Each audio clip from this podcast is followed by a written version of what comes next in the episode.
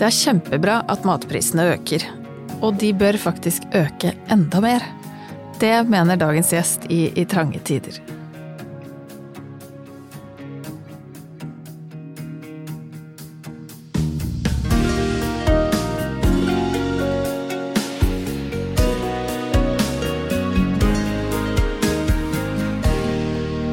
Matproduksjonen står for omtrent en tredjedel av klimagassutslippene.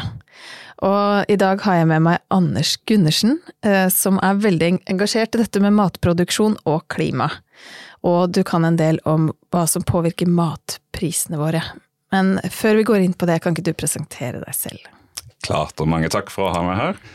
Som sagt, mitt navn er Anders Gundersen. Jeg jobber i et selskap som heter Sensornomic, som jeg har gjort det nesten i ti år nå. Um, der kom jeg etter jeg hadde jobba som forsker, bl.a. på universitetet i Oxford, og så hvordan eh, mat og matpriser og klima henger veldig tett sammen. Og har siden jobbet ganske tett med dette. Mm. Kan ikke du forklare oss det på en litt enkel måte, hvordan store verden også påvirker matprisene her i Norge? For det har jo plutselig vært et tema som alle bryr seg om. Klart, det, Vi har jo en del matproduksjon i Norge, men på langt nok nær til å dekke opp for totale konsumet. Så vi er i stand til å produsere et sted mellom 50 og 60% av kaloriene våre på en veldig fin måte. Kunne ha produsert 100% men da måtte vi ha spist veldig mye mer fisk. Mm. Um, så vi påvirkes, og vår lommebok påvirkes av det som skjer i verden. Og akkurat nå så er det variasjon som er det største problemet. Dvs. Si variasjon i klima, variasjon i fred og variasjon i hvordan forsyningskjeden tilpasser seg, som er med på å gjøre at vi også kommer til å se endringer i kostnadsnivået for mat i Norge. Mm. Så det er allerede sånn at klimaendringer påvirker prisene her i Norge? Helt klart. Eh, mye av de mest produktive områdene i verden opplever nå både ekstrem tørke, ekstremt regnfall, store flommer som ikke vi har sett før. Dette påvirker jordsmonnet direkte, med at da, årets avlinger kan selvfølgelig forsvinne, men også over lang sikt så vil vi se utvasking av viktige næringsstoffer og produktiv jord. Mm. I Aftenposten så skriver Joakim Lund eh, Syns du maten er blitt dyr? Bare vent, skriver han. Og du har også tatt til orde for at vi må faktisk betale mer for maten vår. Eh, kan ikke du fortelle hvorfor det? Jo, og da vil jeg gjerne begynne med å, å i hvert fall si én ting som jeg synes er viktig. Det er at uansett hva sånne Oxford-duster som jeg skulle mene, så gjør det vondt når ting eh, blir dyrere. Men jeg mener allikevel at for, for, totalen så er det bra at mat blir dyrere. Mm. Men begrunnelsen bak, eh, som f.eks. Eh, krig og, og forsyningskjedeendringer, det, det, er nødvendigvis ikke bra. Men det vi trenger, det er å betale mer for mat som produseres riktig. Produseres riktig, hva, hva er riktig da? Det er ekstremt komplisert hva riktig er, men det betyr hvis jeg skal forenkle det så mye som mulig, så betyr det at vi må få mer kalorier ut for hver kalori vi putter inn i matsystemene våre. Og Bak det så ligger det eh, en tanke om at kalori er en arbeidsenhet eller en energienhet. Um, og vi må redusere eh, avhengigheten vår av kunstgjødsel, av pesticider som koster mye å både produsere og rydde opp etter. Vi må eh, sørge for at matsvinnet lenge før det går inn i forsyningskjeden, blir så lite som mulig, og at mest mulig av det som produseres, faktisk kommer inn i markedet. Mm. Og I tillegg så må vi passe på naturen, som gir oss masse tjenester som vi ellers må betale dyrt for, som f.eks. flomkontroll, eh, bioressurser. Eh, ja, forsvar mot avrenning og erosjon, som, som i dag i stor grad ignoreres for neste avling. Så vi må hjelpe de som produserer på en litt dyrere og mer bærekraftig måte. Mm. Og det er gjennom å betale mer for maten vi kan klare det. Så vi sluttbrukere bør betale mer. Men én ting til jeg la merke til du sa, var dette med kunstgjødsel. Så tenkte jeg, men må vi ikke ha det da, for å få nok mat? Det er jo mange mennesker i verden som sulter. Jo da, og eh, nobelpriser har blitt gitt til folk som utvikler kunstgjødsel. Og det er antageligvis den eneste grunnen til at vi klarer å ha en så stor befolkning som vi har i, i dag. Um, antageligvis så klarer vi å produsere dobbelt så mange kalorier på land pga. kunstgjødsel. Mm. Men det betyr ikke at kunstgjødsel kan lages på en mer bærekraftig måte, og egentlig så gjorde han jo det. Da vi henta ut energi fra, fra norske fossefall til å, til å, støtte opp under Birkelands metode, så var kunstgjødsel relativt bærekraftig. Mm. Siden da så har vi brukt gass, stort sett, til å konvertere eh, innsatsfaktorene til nyttig kunstgjødsel, og da er de ikke bærekraftige. Så for å forenkle enda mer for eh, oss som syns dette er litt komplisert, så har kunstgjødselen blitt mindre og mindre bærekraftig, kan man si det sånn? Verre og verre for naturen? Ja, det har den. Ja. Mm. Og vi sluttbrukere bør betale mer for maten, bare for å spole tilbake der. Folk er jo kjempeopptatt av matpriser i Norge. Hvordan tror du det eh, budskapet fra en Oxford-dust, som du kalte deg selv, blir mottatt hos folk som nå syns det er skikkelig tøft? Med rett så tror jeg at det blir oppfatta svært negativt. Det er ikke så enkelt at når man står i en situasjon der man kanskje vurderer for første gang å stille seg i en matkø, så er det aldri godt å høre noen som sier ja, men du må bare betale litt mer, når du ikke har noe mer. Mm. Det, det, er klart at det, det går ikke for mm. veldig mange. Mm. Men det går an å ha to eh, tanker i hodet samtidig, i hvert fall for de som er ansvarlig for å tilrettelegge for, eh, for matkonsumet vårt. Eh, så konsumentene har en, en, viktig rolle å spille i matkjeden, men de som tilrettelegger for ansvarlig konsum, har en mye viktigere rolle. Og da er det politikerne våre som er ansvarlig for å finne ut hvordan vi skal hjelpe et system til å kunne være evigvarende mm. og til nytte for alle. Så er det matkjedene som er ansvarlig for å kjøpe fra bærekraftige kilder, og promotere den mm. maten de kjøper fra bærekraftige kilder. Hvis du ser på hva våre største matkjeder promoterer i dag, så er det i det store og det hele volum. Ja. Og billig volum. Gjerne fullt av sukker og hvete. Eh, det er nesten ingen som promoterer bærekraft. Altså Når jeg sier promoterer, så mener jeg den reklamen du ser på. Mm. Prøv å finne noe som ligner på bærekraft nå. De eneste som gjør det, det er noen ytterst få ansvarlige produsenter som kjøper reklame til eh, for sine egne merkevarer. Men det tror jeg er en forsvinnende liten andel. Hvorfor er det sånn da, tror du? Det har etablert seg en tanke i Norge om at volum er det eneste vi tenker på som mm. konsumenter. Um, og det har blitt en sannhet i de største matkjedene. Um, I de spede forsøkene jeg har gjort internasjonalt for å utfordre matkjedene, uh, mange av de mye større enn de norske, til å virkelig tenke på hva er det de gjør, så sier de ofte til sitt forsvar at det er konsumentene som driver eh, etterspørselen. Men det de ikke tar med, det er at de har kondisjonert befolkningen over svært lang tid til å tenke volum og flest mulig kalorier for lavest mulig pris. Mm. Og det har foregått nå i siden de første supermarkedene kom. Mm. 70 år har dette vært fokus. Hvem bør gå foran til å endre på det her, tenker du? Jeg vil, jeg vil tro at vi må ha noen som tilrettelegger først. Eh, det, det er veldig vanskelig å be en eh, næringsaktør, en for profit næringsaktør, til å si at du skal tjene mindre penger, selv om du gjør bedre ting i verden. Eh, sånn fungerer ikke dagens bedriftsøkonomi. Så regulatorer må gå foran, og da er det eh, heldigvis, eh, igjen da fra en Oxford-dust, eh, sånn at EU har tatt internasjonalt lederskap.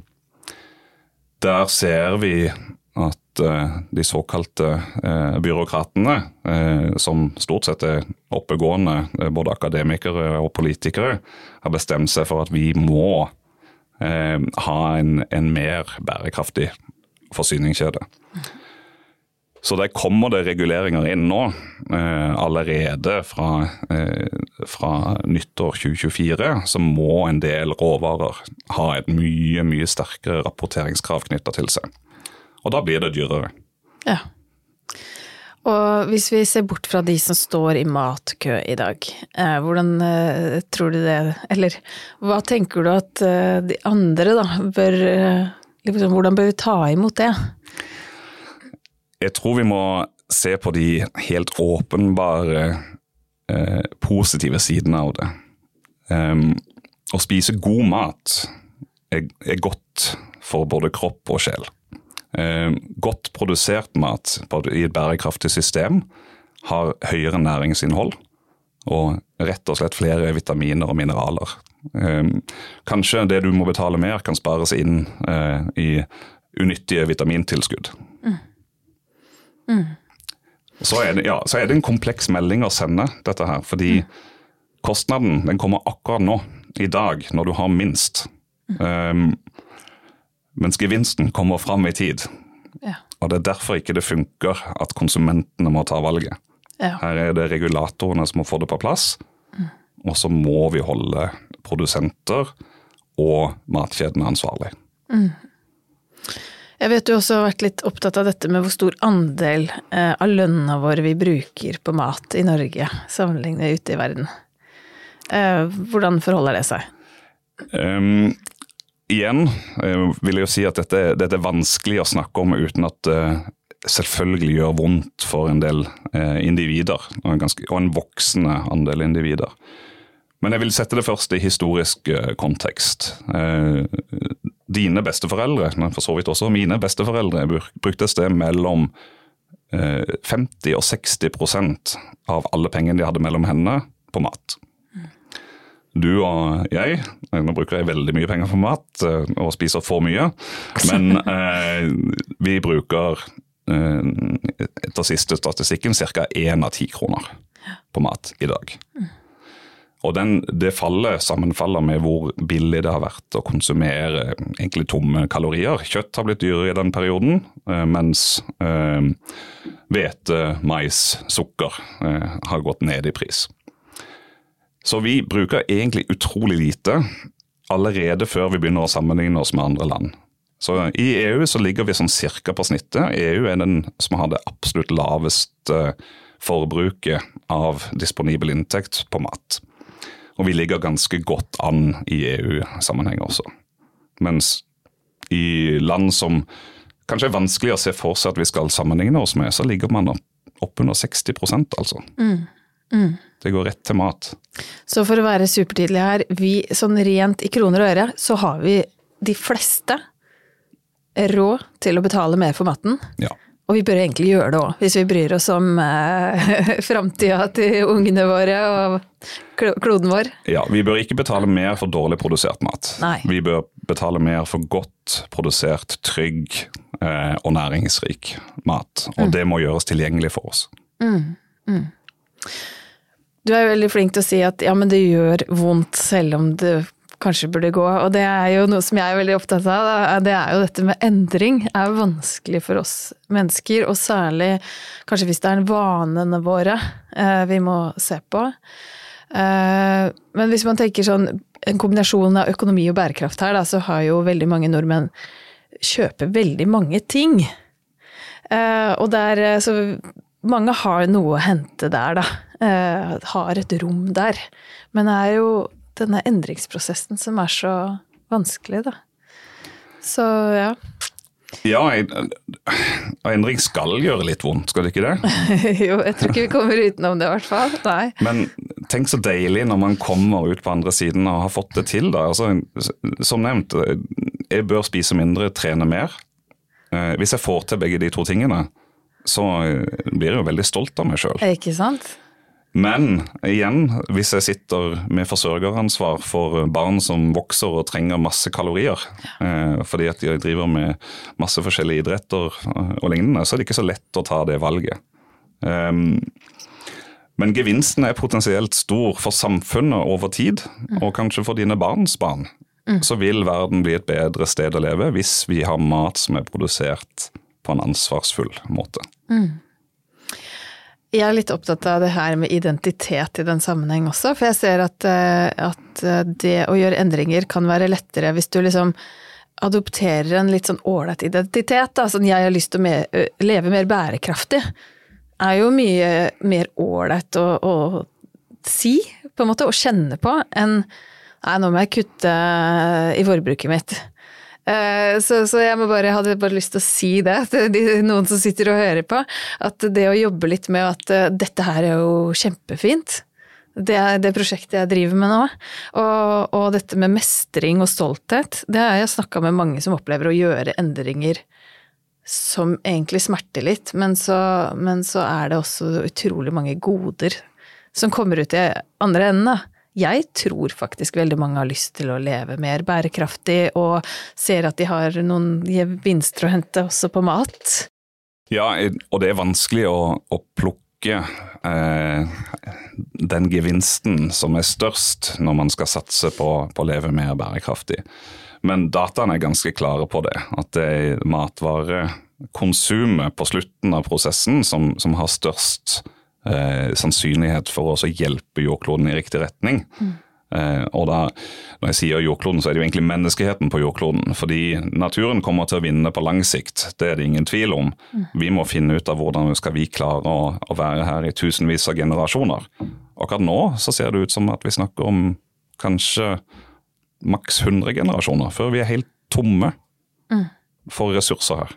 Ja. Og, det, og de som tenker at vi kan løse det med teknologi eller andre magiske eh, eh, elementer som ikke vi vet om i dag, eller at ChatGPT skal lage mat for oss eh, en gang i fremtiden. Mm. De er farlig optimistiske i mm. mine øyne. Mm. Så ikke bare identitet, men rett og slett være litt fornuftig, da. Egentlig det jeg tenker er, er smart. Men da tror jeg vi er inne på mye av grunnen til at det er så vanskelig òg, som jeg tenker er til felles med økonomi, bærekraft og helse. At vi må ta liksom mange valg hele tiden som er riktige, men vi får ikke noe gevinst der og da. Altså det, er, det er jo mer sånn langsiktige gevinster over tid. Det er, det er vanskelig, da. Klart, det, det er kjempevanskelig. Og, og, den avveiningen mellom nå og fremtiden, den er tøff. Mm. Um, og jeg kan ikke se for meg at vi skal klare å hjelpe de som har det tyngst, uten at vi finner en måte å rett og slett løfte inntektsnivået, eh, det relative inntektsnivået, for de som har minst. Mm. Eh, vi har helt klart fattige i, i Norge i dag, eh, selv om de kanskje er allerede blant de 1 best eh, plasserte menneskene økonomisk i verden, mm. så er det en relativ fattigdom. Og den kan føles på mange tunge måter, som, som jeg vet du har vært inne på tidligere òg. Mm. Dette med at man kanskje ikke har råd til å ha eh, barn i, i idretten, eller eh, bekymre seg for om det er mat på bordet en mm. uke fram i tid. Mm. Eh, og, og, det er selvfølgelig ikke akseptabelt i et fungerende samfunn. Så vi får tro at etter hvert nå så våkner de som kan hjelpe til med dette her, og skjønner at vi er nødt til å gjøre noe med, med statsbudsjettet mm. i første omgang. Der kan vi hjelpe noe. Og så får vi satse på at reguleringer kan hjelpe enda mer i neste runde. Helt konkrete reguleringer. Eh, at den bra maten blir billigere, eller at, eh, at man eh, ja, bruker avgifter f.eks., er det det? Det er jo igjen da sånn at sånne eh, rare økonomer tenker at avgifter og skatter eh, løser alt. Eh, men det er nok eh, straff ja. Eh, som fungerer aller best for næringslivsaktører. Ja. Så straff for å selge dårlige kalorier, mm. og belønning til de som kjøper eh, gode kalorier. Ja. Det tror jeg er den enkle overskriftsløsningen. Ikke sant. Det høres, uh, høres riktig ut. Uh, men du snakka om det, disse som faktisk lever under fattigdom i, i norsk målestokk, og vi har jo Oslo OsloMet, uh, forskerne der, følger jo med på hva dyrtiden gjør med oss, og de, de fant jo at hver, i hver tolvte husholdning så var det mennesker der som måtte stå over måltider, eller oppsøke matstasjoner, eller kontakte Nav for hjelp med penger til mat. Hver tolvte husholdning, i mitt hus er det ganske mange. Det er typ to i hver skoleklasse. Uh, dette tror jeg er Dette tror jeg ikke det snakkes uh, mye om. Og de snakker om en, en, at vi ser tegn til en type fattigdom vi ikke har sett i Norge i etterkrigstiden. Så ja, du sa to tanker i hodet på en gang. Det... Ja, det er helt klart. Og, og for de det gjelder, så er det ingen nytte i å høre at maten bør bli dyrere. Nei. Eh, men det går an å konstruere et system som gjør at man får overføringer eller tilleggsstøtte for å gjøre gode valg, og at man ikke hele tiden blir tvunget til å gjøre dårlige valg. Og apropos gode og dårlige valg, det vet vi jo også at mange som sliter økonomisk, de har også en lavere mental kapasitet. Så det å ta kloke, langsiktige valg er vanskeligere faktisk også, for de som er veldig hardt pressa. Klart, og informasjonen er ikke lett tilgjengelig selv for de som ikke sliter. Mm. Hvem er det som vet uh, hvilken uh, laksefilet som har minst sykdomshistorikk, minst uh, antibiotika, minst negativ påvirkning på lokale vassdrag og, og villaks? Det, det, er nesten umulig å finne fram i den informasjonen, ja. selv for folk som jobber med det. Ja. Ja, det er kjempekomplisert å være forbruker. Mm. Det må jeg si. Eh, men framtiden våre hender de gjør jo en del sånne beregninger, det er sikkert flere som, som gjør det. Altså. Men hvis vi skal snakke litt sånn overskriftsnivå på hva som kan være bra for klima, lommebok og helse, så er det å spise mer frukt og grønt. ikke sant? Det, det fins jo altså linser og bønner Eh, måter å gjøre det relativt enkelt på også for mange av oss å gjøre det litt bedre, kanskje, enn i dag. Uten å være eksperter. Ja, eh, og kostholdsrådene er jammen ikke dumme. Eh, de, de, har en viss forstå, viser en viss forståelse for bærekraftsmål også. Ja. Og de må nok justeres gradvis i retning av mer grønt mm. i, i dietten. Men men det er ingenting som tilsier at vi må kutte helt med kjøtt og fisk. Og ingen som trenger å være bekymra for at noen eh, kommer fra oven og sier at du ikke får lov til å spise kjøtt eller fisk lenger. Det, det er ikke sånn det fungerer, men rådene er der for å hjelpe i retning av bærekraftig konsum, også for helse. Og forhåpentligvis også for lommeboka over tid. Eh, det er ikke sånn at grønnsaker må være ekstremt dyre. Men det er det som har økt mest nå det siste året i pris. Mm. Nesten dobbelt så mye som mm. disse dårlige kaloriene som jeg snakker om, som ja. man gjerne finner i billige frokostblandinger eller i, i eh, masseproduserte eh, brødvarer. Mm. Mens eh, vi ser at frukt og grønt kommer til å bli dyrere. Mm. Og da får vi jammen sørge for at hver av de eh, gir så mye næring og glede som de kan gjøre. Mm.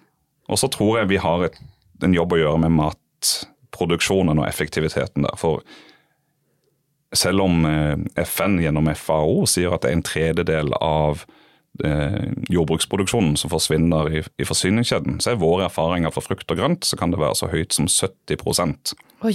som ikke kommer seg fra jordet til en forbruker. Og Det er helt vanvittige tall, og det er mye pga. sårbare forsyningskjeder, manglende tilgang på på kjølelagring og dårlig koordinert transport i verden. Mm. Det gjør helt vondt, faktisk, å høre de tallene. Bortkasta energi, bortkasta arbeidsinnsats, kompetanse, ja. og til slutt da dyrere frukt og grønnsaker for oss. Ja. Ja, det er helt uh, forferdelig, egentlig. Men sånn tilbake til forbrukeren. Jeg for min del er, er jo opptatt av både økonomi og klima. Uh, og tenker at veldig ofte så er det mulig å kombinere disse hensynene her. Og så opplever jeg at det er ganske mye fordommer mot folk som da er opptatt av å kjøpe billig mat. Og uh, jeg har f.eks. lest på pakk, og First Price er jo f.eks. en sånn noen omfavner det, andre hater og tenker at alt av First Price er sånn versting sånn klimamessig. Men så har jeg lagt merke til at ofte sånn First Price gulrøtter, de er norske.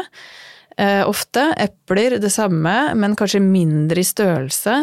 Eh, Skeive, ulike fasonger osv. Er det et godt valg, tenker du? Eller er det noe jeg har oversett her i denne lille analysen min? jeg tror at uh, analysen din står godt. Det er ingenting galt i å, å spise uh, billig norskprodusert eh, grønnsaker og frukter. Det må jo være helt fantastisk hvis man kan få tak i det.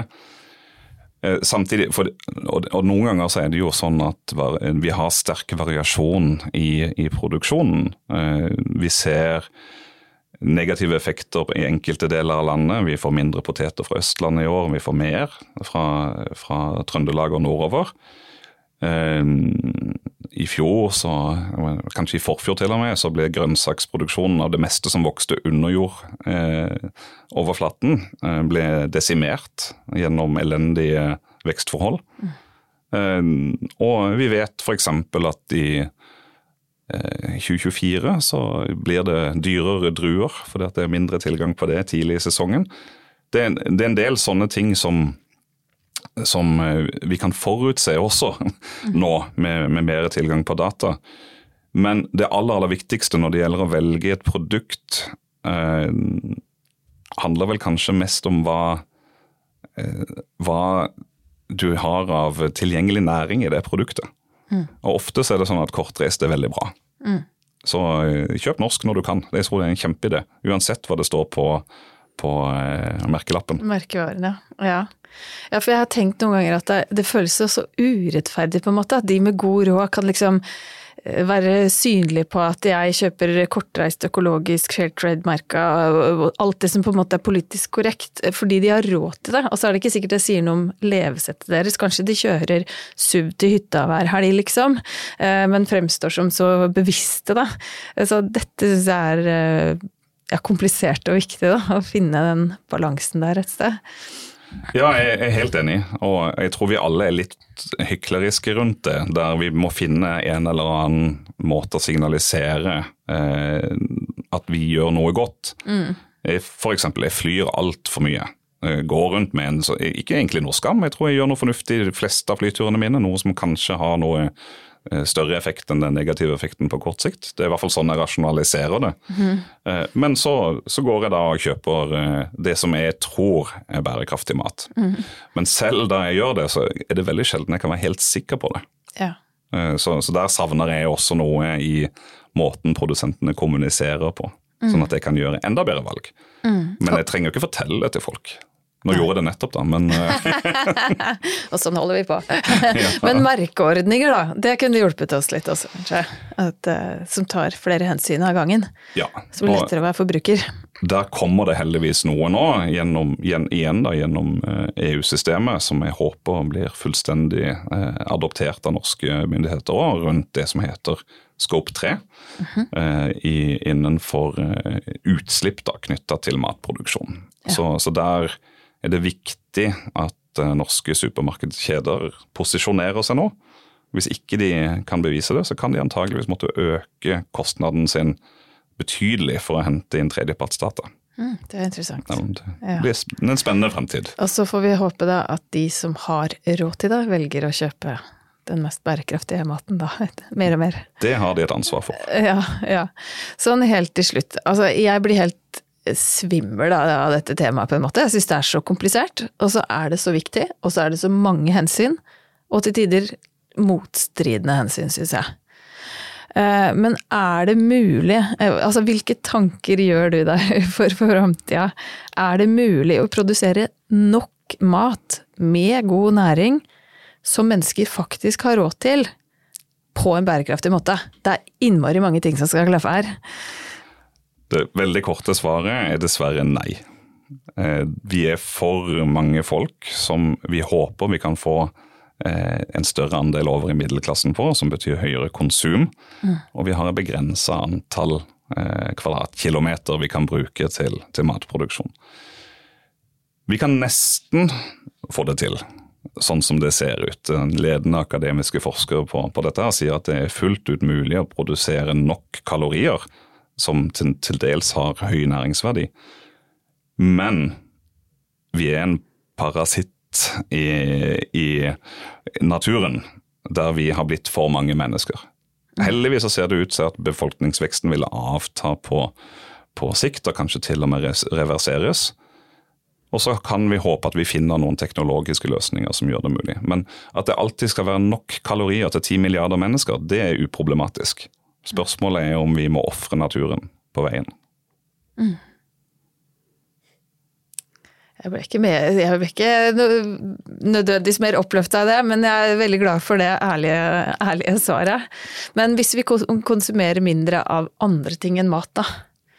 Altså hvis vi senker forventningene til øvrig forbruk og goder, hva tenker du om det? Det øker sannsynligheten for at vi kan klare å finne den riktige balansen. Så typiske ting som vi bruker store arealer på i dag, eh, er jo produksjon til f.eks. klær. Ja.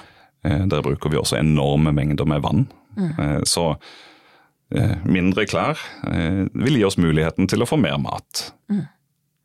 Færre olebokser, mer bærekraftig mat. Korrekt. Eh, neste års eh, budsjettforslag. Tusen hjertelig takk for at du eh, kom til oss og prøvde å gjøre dette kompliserte feltet, syns jeg i hvert fall, mer forståelig. Selv takk. Takk for at du hørte på i trange tider. Jeg håper du også ble litt klokere, og at du er med oss neste lørdag igjen. Og som vanlig, kjempefint om du deler denne episoden, sånn at flere kan få høre og lære av Anders.